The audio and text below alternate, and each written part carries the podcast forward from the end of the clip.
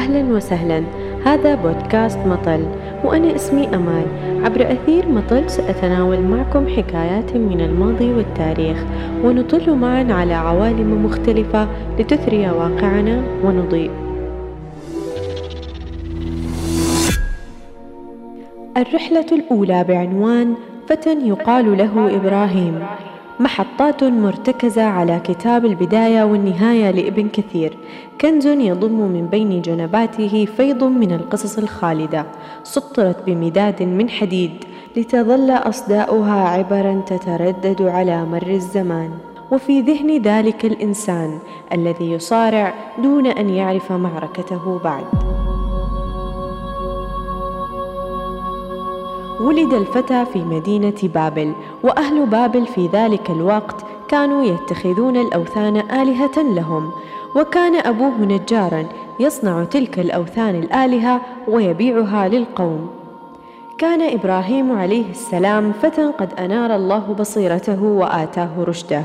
فقد كان يعلم أنها جمادات لا تسمع ولا تبصر. ولم يكن مقتنعا بما يجري مع قومه فدائما ما كان يقوم بمقارعتهم. وقد سطر القرآن تلك المحاورات في مواقف عدة.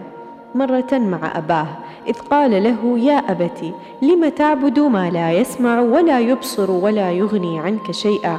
يا أبت إني قد جاءني من العلم ما لم يأتك فاتبعني أهدك صراطا سويا.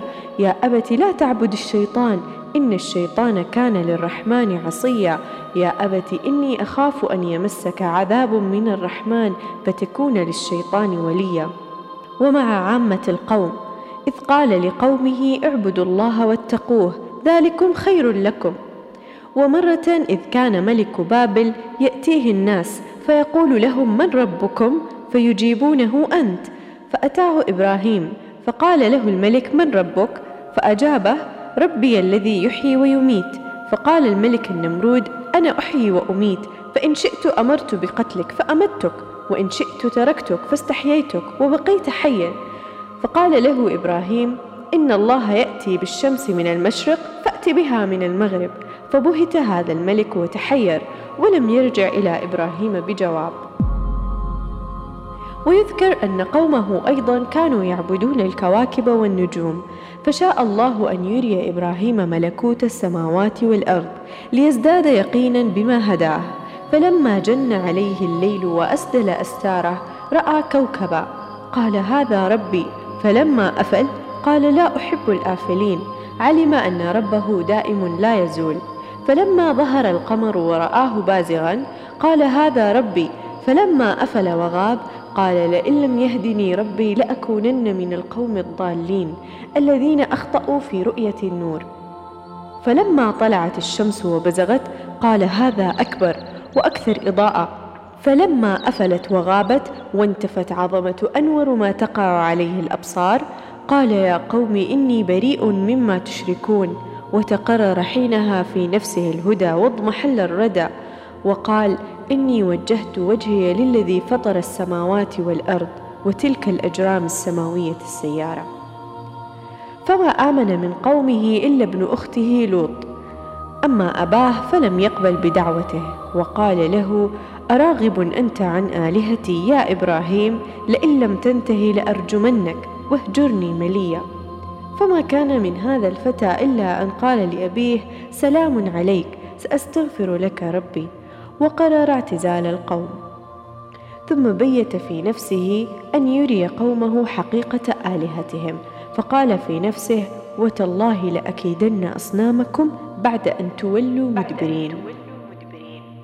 وكان لقومه عيد يذهبون إليه في كل عام إلى ظاهر البلد فدعاه أبوه إلى هذا العيد ليحضره معهم فنظر نظرة في النجوم فقال لوالده إني سقيم معتذرا عن الذهاب معهم.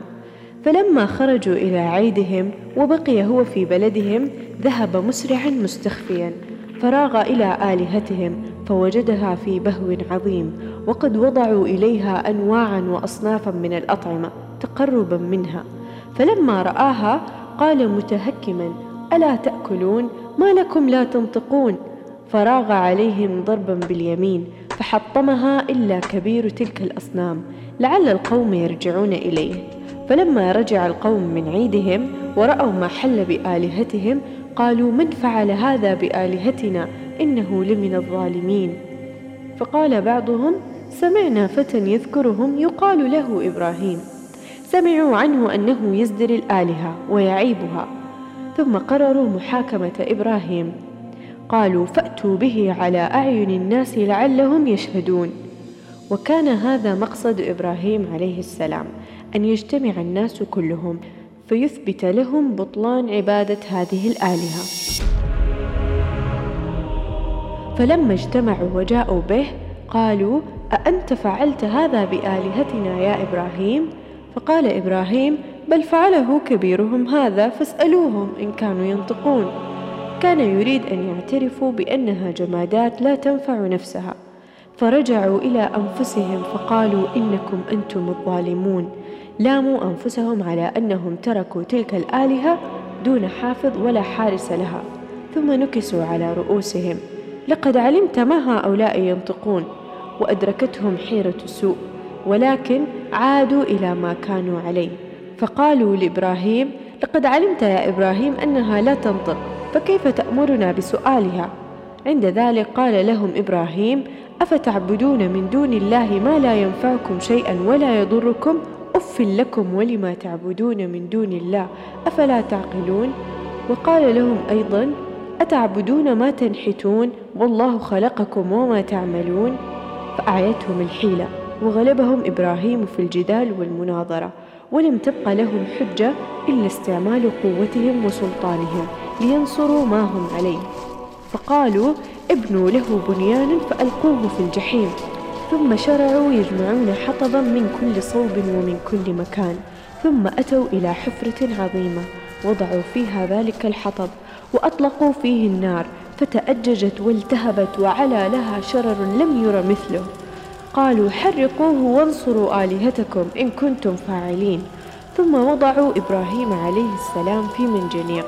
ثم أخذوا يقيدونه ويكتفونه. وهو يقول لا إله إلا أنت سبحانك رب العالمين. لك الحمد ولك الملك. لا شريك لك. وضع إبراهيم عليه السلام في كفة المنجنيق مقيدا مكتوفا. ثم ألقوه في النار. فقال حسبنا الله ونعم الوكيل. وذكر أن جبريل عليه السلام عرض لإبراهيم في الهواء فقال له يا إبراهيم ألك حاجة؟ فقال إبراهيم أما إليك فلا. ويروى أن ملك المطر جعل يقول متى أؤمر فأرسل المطر؟ فكان أمر الله أسرع. يقول الله تعالى قلنا يا نار كوني بردا وسلاما على إبراهيم. وصار إبراهيم عليه السلام في مثل الجونة. حوله نار والناس ينظرون إليه لا يقدرون على الوصول إليه. فلما رأى والد إبراهيم ولده على تلك الحال أدرك حينها وقال نعم الرب ربك يا إبراهيم. ويروى أيضا أن أم إبراهيم نظرت إلى ابنها عليه السلام فنادته يا بني إني أريد أن أجيء إليك فادع الله أن ينجيني من حر النار حولك. فقال لها إبراهيم نعم.